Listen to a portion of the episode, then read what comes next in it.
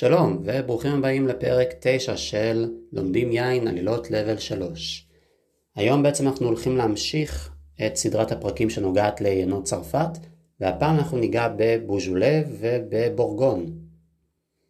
אז לפני שנתחיל לדבר על בורגון ובוז'ולה, תזכורת קצרה לגבי חוקי היין הצרפתיים. ה-PDO הצרפתי, זאת אומרת אזורי היין המוגדרים עם הרגולציה הרחבה, בעצם נקראים AOC, Appellation d'Origine Contrôlée, ואנחנו יכולים לראות הרבה אפלסיונים כאלו בתוך בורגון. האופן שבו נותנים להם קלסיפיקציה היא שונה מזו שראינו בבורדו. וה-PGI הצרפתי הוא בעצם השם המקובל הוא Vin de Pays, אותו אנחנו לא נראה בפרק הזה. אז בואו נתחיל. לפני שנתחיל לדבר על בורגון ובוז'ולה, בואו נעשה קצת סדר מבחינת גיאוגרפיה. אז אם אנחנו פותחים מפה של בורגון, אנחנו רואים שמדובר בכל מיני אזורי יין שהם נמצאים רובם המשכים אחד לשני על ציר של צפון דרום. כלומר, אם נלך מהאזור הכי צפוני ונרד דרומה, אנחנו לאט לאט נראה עוד ועוד אזורי יין. אז אם נתחיל לזכור אותם מצפון לדרום, אנחנו קודם כל נראה אזור יין צפוני מאוד ומבודד יחסית משאר האזורים, שנקרא שבלי. מתחת לשבלי, אם נלך דרומה, הרבה דרומה, אנחנו נתחיל לראות את אזור היין המרכזי של בורגון. קודם כל אנחנו נראה אזור גדול שקוראים לו קוט דאור. קוט דאור, יש כאלו שאומרים שזה הלב של אזור בורגון. בעצם מורכב משני אזורים. בעצם החלק הצפוני של הקוט דאור הוא אזור יין שנקרא קוט דה נואי. והחלק הדרומי של הקוט דאור הוא אזור יין שנקרא קוט דה בון. אז לסיכום, יש לנו את שבלי בצפון, אם אנחנו ממשיכים דרומה אנחנו מתחילים לראות את הקוט דה אור, כלומר אנחנו נראה את הקוט דה נואי, שזה החצי הצפוני שלו, ואם נרד דרומית לקוט דה נואי אנחנו נראה את הקוט דה בון. אם נמשיך דרומה מקוט דה בון, זאת אומרת נעזוב את הקוט דה אור, אנחנו נראה אזור יין נוסף שקוראים לו קוד שלונז. וממש מתחתיו, אם נמשיך דרומה, אנחנו נראה אזור יין נוסף בתוך בורגון שנקרא מקונס. וכאן בעצם אנחנו מסיימים לעבור על בורגון כולה. ולבסוף, אם נמשיך דרומה ממקונס, אנחנו נראה בעצם אזור יין נוסף, אנחנו נראה את בוז'ולה. אז זה מבחינת הגיאוגרפיה של המקום, ועכשיו יהיה אפשר להתחיל לדבר על האפלסיונים השונים. אז איך הקלסיפיקציה לרמות איכות שונות מתבססת בעצם בבורגון? אז בשונה ממה שהיה לנו בבורדו, שם נתנו רמת איכות שונה לכל שתו, כלומר לכל יצרן, כאן ההיררכיה מבוססת לפי איכות הכרם. כלומר, כל כרם יש לה רמת איכות שונה, לרוב כתלות במיקום הכרם ספציפית. המיקום של הכרם יכול מאוד להשפיע על רמת השמש שהיא תקבל, על רמת הרוח שתגיע אליה. למשל, כרם שתהיה על מדרון שפונה לכיוון קו המשווה, תהיה כרם שתיחשף יחסית להרבה מאוד שמש, ועל כן יכול להיות שהיין שיתקבל ממנה יהיה כנראה יין יותר איכותי. ועל כן יין כזה, כרם כזו שנמצאת על שיפוע יכולה לקבל דירוג יותר גבוה וסמל איכות יותר גבוה, למשל כרם שנמצאת בתחתית ההר או על ראש ההר. אז בתחתית ההיררכיה יש בעצם את האפלסיון הכללי שמהווה חצי מכל העיינות שמיוצרים בבורגון. אז האפלסיון הכי גנרי זה בעצם בורגון אדום ובורגון לבן, כלומר בקבוק יין שפשוט יהיה רשום עליו בורגון רוז' עבור יין אדום, או בורגון בלאן עבור יין לבן. וזה הכל, זאת אומרת לא מאיזה אזור ספציפי. בנוסף יש כמה regional appellations ברמה אחת מעל, שהם נוגעים ליינות שמגיעים מאזורים מסוימים בבורגון. אבל אין להם איזושהי רמת קלסיפיקציה איכותית מאוד גבוהה. אז מדובר באזורים למשל כמו בורגון הו קוד דנואי או בורגון הו קוד דבון. שימו לב זה לא קוד דנואי זה הו קוד דנואי. זה אותו הו כמו שיש לנו בהו מדוק ונגיע לזה עוד מעט. וגם בורגון קוד שלונז. אלה למשל שלושה אזורים שיין שמגיע מהם מקבל איזשהו אפלסיון גנרי שנושאת שם האזור הגדול כולו. במקונז האפלסיון המקומי נקרא מקון, גם עבור ינות אדומים וגם עבור ינות לבנים, וישנו אפלסיון נוסף שאפשר לתת לינות לבנים בלבד, שנקרא מקון וילאז'. זאת אומרת במקון יש איזושהי, אפשר לקרוא לזה קלסיפיקציה יותר, איזושהי אה, רמת קלסיפיקציה יותר גבוהה עבור ינות לבנים. השלב הבא בהיררכיה אחרי כל ה-regional appellations הגדולים האלה זה איזשהו commune appellations. זאת אומרת אפלסיונים של אזורי יין יותר קטנים. ממש אפשר להגיד מעין כפרים כאלו. למשל שבלי או גברי שמברטן היינות האלה מה-commune שלרוב נושאים שם של אזור ספציפי של כפר ספציפי הם מהווים בערך שליש מכל היינות בבורגון לרוב השם commune בעצם מצוין על התווית. אם כל היין מגיע מאיזושהי ממש כרם יחידה, אחת שלא מוכרת בתור Premier Cru או Grand Cru, של זה נגיע עוד רגע, אז אפשר לשים גם את שם הכרם עצמה על הבקבוק, ולרוב זה מה שיקרה. אז אם מדובר באיזשהו סינגל ויניארד ביין שהגיע מכרם אחת, אנחנו נראה את שם הכרם. לעיתים רבות במקום קומיון אנחנו פשוט נראה את המילה וילאז'. על הבקבוק, אז אם אתם רואים את המילה וילאז' אתם יודעים שמדובר ב-commune appellation. זאת אומרת אפלסיון של כפר ספציפי. זאת אומרת אנחנו עלינו עוד בהיררכיה. בראש ההיררכיה יש לנו בעצם את הכרמים שקיבלו תווית של או Premier Cru או מעליהם Grand Cru. מדובר ביקבים שמייצרים באופן קבוע ינות איכות. הכרמים האלו לרוב אינם בבעלות של מספר יצרנים, כשכל אחד מגדל את הענבים שלו בקצב שלו. כלומר, יש איזושהי כרם שקיבלה תווית של Premier Cru, אבל לא כל הכרם שייכת ליצרן אחד. אנחנו יכולים לראות מספר יצרנים שונים שמגדלים בתוך הכרם הזו ענבים, הם, כל אחד בוצר מתי שהוא רוצה, ואנחנו נראה ממש מספר ינות שונים שכולם מגיעים מאותה כרם, כל אחת שייכת ליצרן אחר, וכולם יהיו Premier Cru או Grand Cru. יש מעל 600 Premier Cru משבלי ועד קוט שלונז ויחד הפרימייר קרואים האלה, 600 הכרמים האלו, מהווים בערך עשירית מהיינות בבורגון. על התווית מן הסתם יהיה כתוב premier cru, ואם היין מגיע מכרם אחת, אז גם שם הכרם עצמה תופיע. לבסוף יש לנו בעצם את ה grand cru. grand cru נמצאים בקצה ההיררכיה והם מהווים קצת יותר מ-1% מהייצור של כל היינות בבורגון. יש 33 כרמים כאלו בקוט ד'אור, יש, יש אזור אחד של grand cru בשבלי, ושם הכרם הספציפית והתווית של grand cru יופיעו על התווית עצמה. זה לגבי ההיררכיה של יינות מבורגון. ומכאן אנחנו עוברים לדבר על אקלים וגידול ענבים. אז האקלים בבורגון הוא cool continental, זאת אומרת הוא קר וקונטיננטלי בצפון שליד שבלי, והוא נהיה קצת יותר מתון, אבל עדיין מזג אוויר אה, אקלים קונטיננטלי בחלק הדרומי יותר. עכשיו, מן הסתם קונטיננטלי בגלל שאין קרבה, אנחנו נמצאים יחסית באמצע היבשת ואין קרבה למאגר מים מאוד מאוד גדול. ב... לפעמים יש גשם שמפריע להנצה של הפרחים באביב ומפריע גם לבציר בסוף הקיץ וזו יכולה להיות בעיה אז גשם זה אחת מהבעיות שאנחנו לפעמים רואים בבורגון. בנוסף, אחד הענבים המרכזיים בבורגון, פינו נואר, רגיש מאוד לריקבון, ל grey rot, כך שזו בעיה נוספת. ויש עוד כל מיני קשיים נוספים שאנחנו חווים בבורגון, למשל spring frost, קיפאון באביב באזור שבלי, ואפילו סופות שלג מקומיות בקיץ. המיקום המדויק של הכרם ממש קריטי לקביעת רמת האיכות שלה, כמו שאמרנו קודם. רמת village בסיסית היא עבור כרמים שנמצאים למשל בתחתית של מדרונות, או על קרקע ממש אה, ישרה, ואלו של ה premier cru וה grand cru בדרך כלל נמצאים על שיפועים, על מדרונות של הר, שאלה אזורים שפחות רגישים ל frost, לקיפאון. והכרמים הטובים ביותר הם על שיפועים שפונים דרומה, ואז גם הן נמנעות מרוחות מערביות. האדמה בבורגון היא יחסית מגוונת.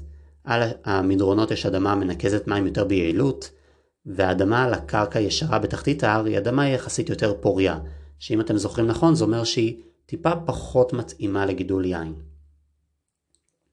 מבחינת סוגי ענבים שיש ב...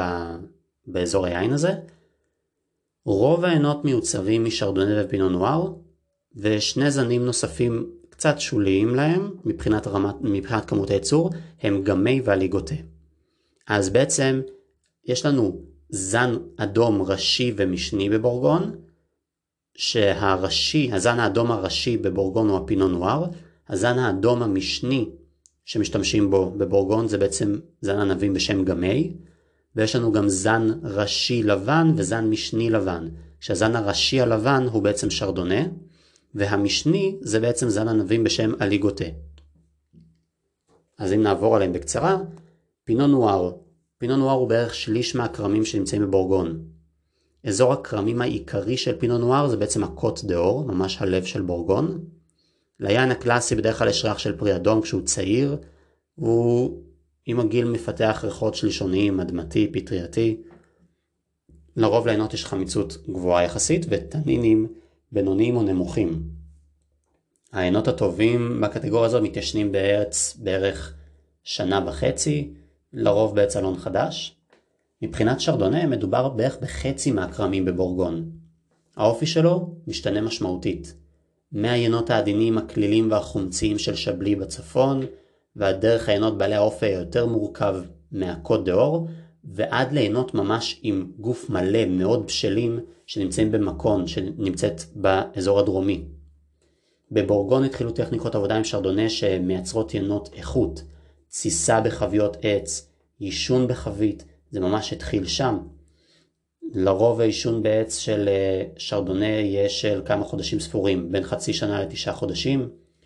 גם התסיסה המלולקטית, התסיסה השניונית זה משהו שהתחיל שם, ועישון על השמרים, אסור לי. מבחינת אליגוטה, הזן הלבן השני, זה זן לבן המייצר ינות יותר ניטרליים, עם חמיצות גבוהה. באתרים שמבשיל בהם עד הסוף, הוא יכול לייצר ינות איכות. אבל בדרך כלל כרמים מובחרים נשמרים אה, בעיקר בשביל פינו נוער ושרדונה, במקום הליגוטה. והזן האחרון גמי, הזן האדום המשני מבחינת הכמות שלו, מייצרים ממנו בדרך כלל ינות צעירים יותר לשתייה מיידית. והוא בדרך כלל מייצר יין עם טעמי פרי יער, בשל יחסית וטנינים נמוכים. מכאן אנחנו בעצם עוברים לדבר על אזורי היין השונים בבורגון אחד אחד. אז נתחיל ב... מצפון לדרום. אם ככה, המקום הראשון שנדבר עליו הוא בעצם שבלי. שבלי זה כפר שנחשב כולו לאיזשהו וילאז' אפליישן. הכרמים ברמת האיכות הנמוכה ביותר הם מכונים פטיט שבלי, שלרוב מדובר בכרמים שנמצאים קצת מחוץ לאזור השבלי המסורתי, הפנימי, ועל כן הם נחשבים ברמת האיכות הנמוכה ביותר מבין יינות שבלי. בשבלי בעיית האקלים העיקרית היא frost, היא קיפאון, קר שם, והם משתמשים הרבה פעמים בכל מיני טכניקות שונות כדי למנוע את הבעיה הזאת. אז טכניקות שונות שיכולות לפתור לנו בעיה של spring frost הן למשל ממטרות שיצליחו להרטיב את הגפנים ואת האוויר ומחממים תנורי חימום וכו' כדי למנוע את הבעיה הזו. ורק הערה, במבחן אכן יכולים לשאול אתכם באיזה דרכים ניתן להשתמש כדי להימנע מהבעיה העיקרית, בעיית האקלים העיקרית, בסתם לדוגמה שבלי. אז זאת ממש התשובה. שימוש בממטרות, שימוש בתנורי חימום. הענב היחיד שמותר לשימוש בשבלי זה שרדונה, בלי, בלי אליגוטה. זאת אומרת, אם יש לכם יין שכתוב עליו שבלי, מדובר בשרדונה, תמיד. שבלי רגיל ברמה של village גדל על שיפועים שבדרך כלל פונים צפונה, או על קרקע ישרה. כלומר, לא, לא האזור האידיאלי שאנחנו רוצים לגדל בו ענבים בכפר הזה, כי קר שם. ה premier וה grand cru הם גדלים על שיפועים שפונים, על מדרונות שפונים דרומה, והם באמת האיכותיים ביותר. החלקות האלה מעניקות יותר שמש וריכוז טעמים ליין, ובאמת מרגישים הבדל משמעותי בין יין שהוא premier cru לבין יין שהוא שבלי village. שבלי ופטי שבלי הם בעלי חמיצות גבוהה וטעמים של פרי ירוק, אבל הטובים בהם כן מציגים איזושהי ארומה של פרי קצת יותר בשל. premier cru ו grand cru הם הרבה פעמים מציגים ארומות עוצמתיות יותר ובשלות יותר, בעלות גוף יותר גבוה, אבל עדיין בעלי חמיצות יחסית גבוהה, שהיא מאזנת אותה. יצרנים מסוימים מיישנים חלק מיין ה grand cru או premier cru שלהם בחביות עץ, אבל באופן כללי, השרדונה משבלי מתיישן רק בנירוסטה. מה שבעצם מחזק את האופי, את הארומות הראשוניות והפירותיות שיש בו. זה לגבי שבלי. מכאן בעצם אנחנו עוברים לאזור היין השני, הקוד אור. כמו שאמרתי, הקוד אור הרבה פעמים נחשב ללב של אזור בורגון. מה שקורה בבורגון, במיוחד באזור של קוד אור וקצת יותר דרומה, זה שיש הרים, רכס הרים, המסיף סנטרל, הם רצים ממש ממערב לכל הכרמים האלו, והרכס ההרים הזה בעצם רץ לאורך כל הקוד דה אור מצד מערב, הוא בעצם מייצר איזשהו שיפוע שפונה מזרחה ודרומה. אז אתם מבינים שבעצם הכרמים האיכותיים ביותר בקוד האור הם יהיו על המדרונות של ההר הזה שבאמת פונות מזרחה ודרומה לכיוון קו המשווה. הקוד האור כמו שאמרנו קודם הוא מחולק לשתיים. החלק הצפוני הוא נקרא קוט דה נואי שם מייצרים הרבה מאוד פינו נואר איכותי בעל גוף מלא שמתיישן לאורך הרבה שנים, והחלק הדרומי קרוי קוט דה בון. שם מייצרים בדרך כלל פינו נואר יותר פירותי, אבל בדרך כלל הקוט דה בון מפורסם יותר בשל ייצור השרדונה, הטוב מאוד שמגיע ממנו. אם ככה, אפשר להגיד באופן כללי שהאזור הצפוני של הקוט ד'אור, שזה הקוט דה נואי, מפורסם בעיקר בגלל העיינות האדומים שמגיעים משם, והקוד דה בון מפורסם בעיקר בגלל העיינות הלבנים שמגיעים משם. וזה גם בא לידי ביטוי באפלסיונים שיש שם. מה הכוונה? בקוד אור, כל הגרן קרו האדומים מלבד אחד נמצאים בקוד אנואי, החלק הצפוני. וכל הגרן קרו הלבנים, חוץ מכרם אחת, הם נמצאים בקוד דבון, בחלק הדרומי. אז קוד אנואי חלק, זה אזור שיש בו יותר אדומים, קוד דבון יותר לבנים. בקוד הנואי ובקוד דבון יש כל מיני כרמים איכותיים מפורסמים. אזורי עין מאוד מאוד מפורסמים. אפשר להגיד שהם כפרים מאוד מפורסמים. וכן יש להכיר אותם, חלקם מי שעוסק בתחום כבר שמע את השמות האלה בעבר, או לפחות חלק מהם. אז אני פשוט אגיד אותם. ומצפון לדרום, בקוד דנואי מדובר בעצם ב... גברי שמברטן, בווז'ו, וון רומני ונואי סן ג'ורג'. ארבעה מאוד מפורסמים.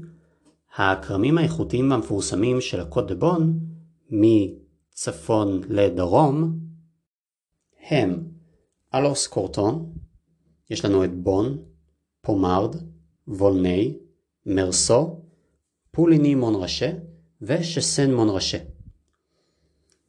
אגב, שיהיה לכם ברור, כל אחד מהכפרים האלו שציינתי בשם, ממש לא נכתב כמו שהוא נשמע. אז אה, זה צרפת בשבילכם. בקוט דה בון, כולם מלבד, כל הכפרים האלו המפורסמים מלבד וולנה ופומארד, מייצרים עינות אדומים ולבנים. שלושת היקבים המפורסמים ביותר, שלושת האזורים המפורסמים ביותר בעינות הלבנים שלהם, הם בעצם מרסו, פוליני מונרשה ושסן מונרשה.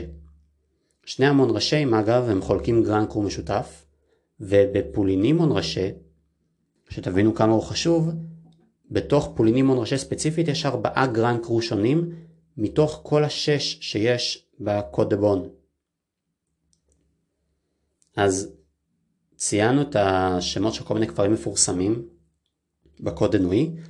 לפעמים יין מגיע מהקוד דנואי, אבל לא מהאזורים הספציפיים האלו, אנחנו יכולים לקבל משהו שנקרא קוד אנואי וילאז' שזה משהו שמופיע הרבה מאוד על תוויות יין שמגיעות מבורגון.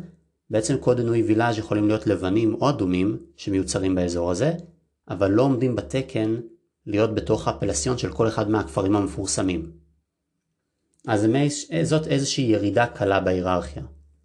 קוד בון וילאז' חייב להיות אדום, ויכול להיות מכל אחד מהכפרים של קוד בון, או שילוב בין הכפרים. אבל יש כל מיני יוצאי דופן שלא ניכנס אליהם. בנוסף, יש לנו regional appellations נוספים, הזכרנו אותם בשם, בורגון הו קוד נוי ובורגון הו קוד. בעצם, כמו שהיה לנו במדוק, היה לנו את ההו מדוק, מדובר בשני אזורים, הו קוד נוי, שנמצא צמוד לקוד הנוי וההו קוד שנמצא צמוד לבון, בעצם שני האזורים האלה נמצאים מערבית לשני האזורים של הקוד דאור שחולקים איתם, איתם את אותו השם, נמצאים מערבית לאזורים האלה ממש על הערים עצמם.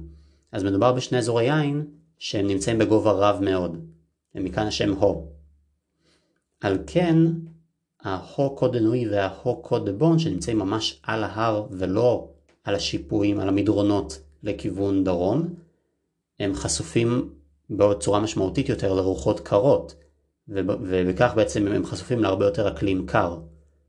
אז היינות מהאזורים האלה הם לרוב בעלי פחות גוף ופחות ריכוז טעמים, וגם בגלל זה מבחינת היררכיה, היינות משם נחשבים בהיררכיה קצת יותר נמוכה, להרבה מאוד יינות שמגיעים ממש מהקוד האור עצמו. זה הכל לגבי הקוד האור. מכאן אנחנו עוברים לאזור קצת יותר דרומי, לקוד שלונז. קוד שלונז זה אזור שיושב מדרום לקוד דאור. הזנים העיקריים שם כרגיל הם שרדונה ופינו נואר, אבל בשל הגובה הרב של רוב הכרמים באזור הזה ספציפית, הבציר נעשה מאוחר יותר והענבים לא תמיד מבשילים לחלוטין. למרות שהכרמים נטועים על שיפוע, על מדרון של הר, המדרון של ההרים בקוד שלונז לא תמיד פונים אה, מזרחה בכיוון האידיאלי.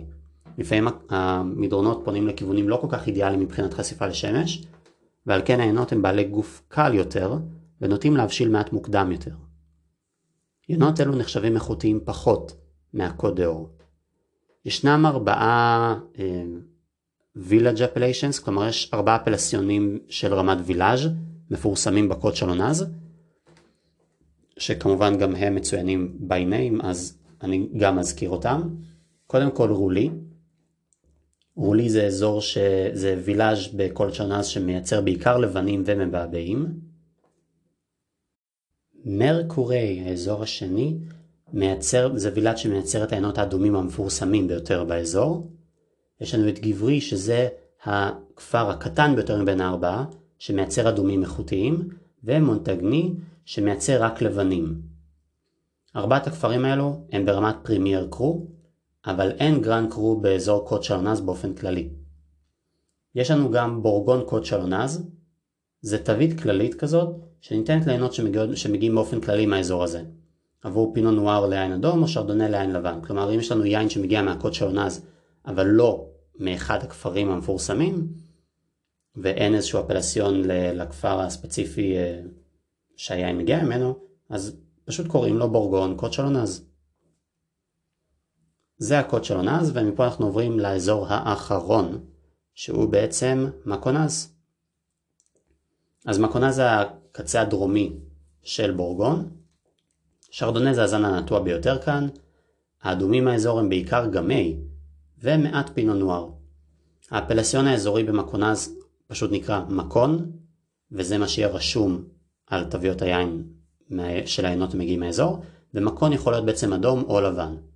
הלבנים האיכותיים ממקון הם בעלי גוף בינוני או מלא, חמיצות בינונית, ארומות של פרי הדר ותפוח, שמים לב שהחמיצות קצת יותר נמוכה והארומות קצת יותר חזקות, וזה באמת כי זה האזור הכי חם בבורגון.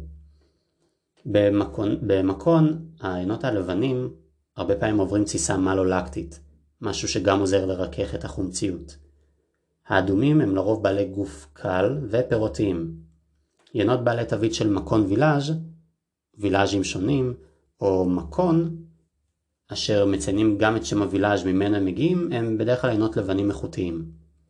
יין שהוא פשוט מקון וילאז' יכול להגיע מכל אחד או משילוב בין אה, יקבים כאלו ואחרים, ולרוב הוא בשל יותר ובעל יותר גוף מ...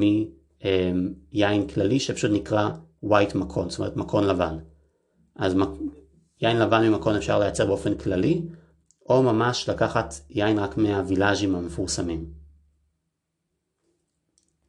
שני הפלסיונים הכי מפורסמים במקון הם בעצם פוי פוסה וסיינט ורן. העיינות הטובים ביותר מהכרמים האלו מציגים ארומות של פרי בשל. פוי פוסה במיוחד מפורסמת בשל העישון של השרדונה שם בחבית כדי להעצים את הטעם של היין ולהוסיף עוד טעמים.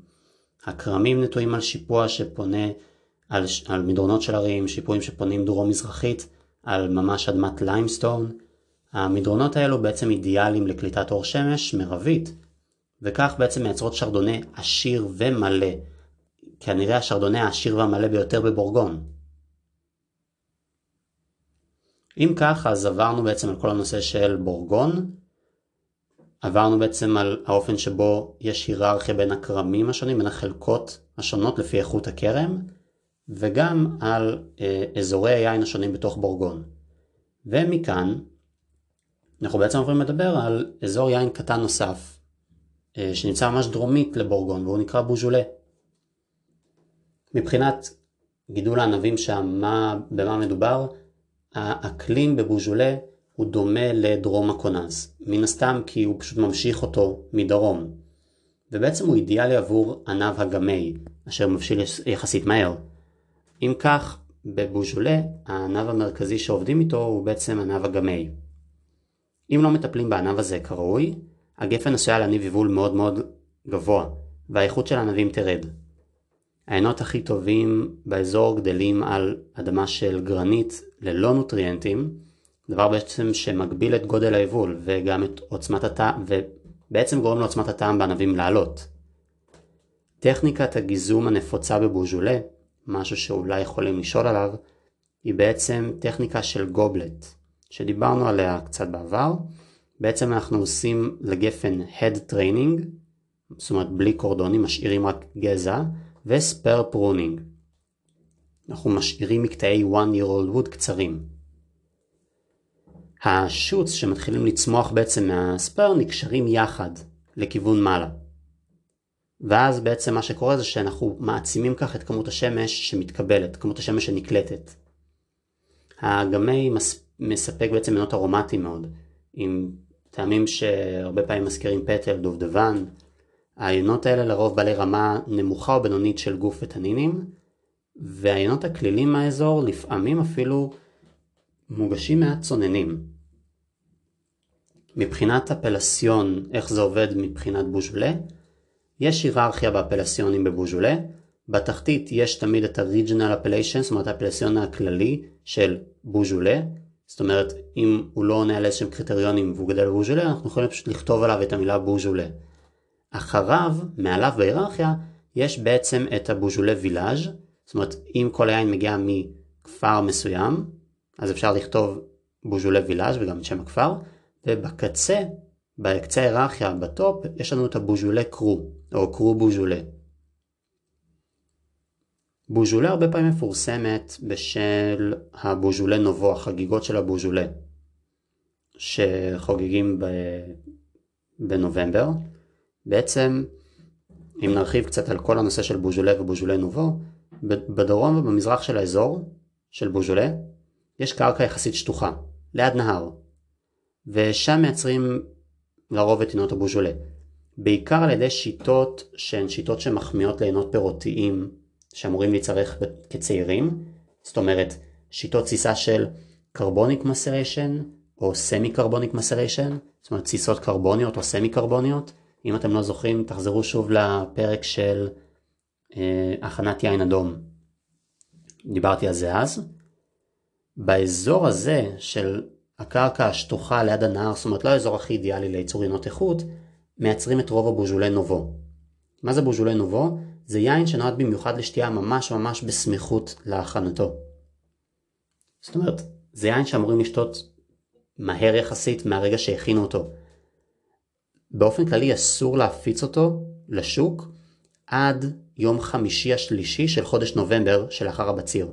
זאת אומרת היה בציר בספטמבר-אוקטובר, חייבים לשמור על היין ואסור אסור להביא אותו לחנויות עד שמגיע יום חמישי השלישי, השלישי של החודש. של חודש נובמבר ספציפית. ומבחינת החוק ליצרן אסור למכור אותו אחרי ה-31 לאוגוסט של השנה שמגיעה ישר אחר כך, כלומר אחרי הבציר הבא. למרות שיצא לי לראות בחנויות יין בארץ בכיף מוכרים בוז'ולה גם מבציר 2016 כשהשנה הייתה 2020, אבל את זה נשים בצד. ינות בוז'ולה נובו יכולים להיות רק ברמות האיכות הנמוכות. או יין שמקבל את תווית האפלסיון הכללית בוז'ולה, או בוז'ולה וילאז', אין דבר כזה שמייצרים בוז'ולה נובו מהאזורים המובחרים שנקראים קרו בוז'ולה, שנמצאים בקצה ההיררכיה. ישנם, אם כבר הזכרנו את הקרו בוז'ולה, ישנם עשרה כאלו בתוך אזור היין הכללי בוז'ולה, שמייצגים באמת את הרמה הגבוהה ביותר, והם לא יכולים להימכר בחגיגות הבוז'ולה נובו. הבוז'ולה והבוז'ולה נובו, זאת אומרת ינות הבוז'ולה ברמת ההיררכיה הנמוכה וינות הבוז'ולה נובו המיוחדים, הם בעלי גוף קל, בלי תנינים כמעט, עם טעמים של פרי אדום. הרבה פעמים אתם תראו, תיכנסו לחנויות יין באזור נובמבר, סוף נובמבר, אתם תראו, גם בארץ, פתאום מתחילים לשווק ינות של בוז'ולה נובו, הינות האלה לרוב לא יקרים בכלל, אם אני לא טועה, נמכרים באזור ה-60 שקלים או 70 שקלים, הם מהווים חוויית יין ממש מעניינת וכיפית, אני באמת uh, ממליץ לנסות, זו חוויה מאוד מעניינת. טעמים, ארומות יחסית מאוד פירותיות, מאוד קליל, הצבע של העין הוא ממש סגול, סגול מאוד uh, חזק. בקיצור, תנסו.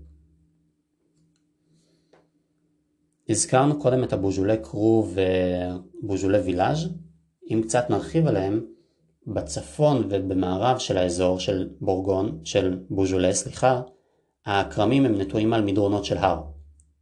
בניגוד למה שקורה בדרום ובמזרח, שם זה בעיקר אדמה ישרה ליד הנהר. אז באזור הצפ... הצפוני והמערבי, איפה שיש מדרונות של הר, בעצם יש את אדמת הגרנית וזה התנאים היותר אידיאליים לגידול של עינות איכות. יש 39 כפרים באזור, וכל ה-39 כפרים האלו יש להם את הזכות להכין יין שיש עליו את התווית של בוז'ולה וילאז' זאת אומרת רמת היררכיה הבאה אחרי סתם בוז'ולה. לרוב שם הכפר הספציפי לא מופיע על התווית, והיין שאנחנו נקנה שכתוב עליו בוז'ולה וילאז' בדרך כלל יהיה בלנד של כל מיני כרמים מכל מיני כפרים. בגלל זה אפשר לשים שם של כפר מסוים. יש עשרה כפרים שקיבלו אפלסיון משלהם, ואלו בעצם הקרו בוז'ולה. אז באופן כללי יש ארבעה מאוד מפורסמים מתוך העשרה האלו, שהם כן מצוינים בשם שלהם, ובעצם הארבעה האלו הם פלורי, מורגון, ברואי ומולין אבנט. העיינות האלו מתאימים לעישון לזמן ארוך יחסית, שבפלורי ובברואי מייצרים עיינות יותר כלילים. אז בעצם בזה סיימנו לדבר גם על בוז'ולה. ובזה גם סיימנו את הפרק הנוכחי. בפרק הבא אנחנו בעצם ניגע באזורי יין נוספים, פעם נלך קצת יותר צפונה, לאזור אלזס. וכרגיל, אתם מוזמנים להיכנס לדף פייסבוק, עלילות לבל 3, פודקאסט יין, לכתוב מה דעתכם, הערות, בעין, באלף, יתקבלו תמיד בברכה, וזהו, אנחנו נתראה בפרק הבא.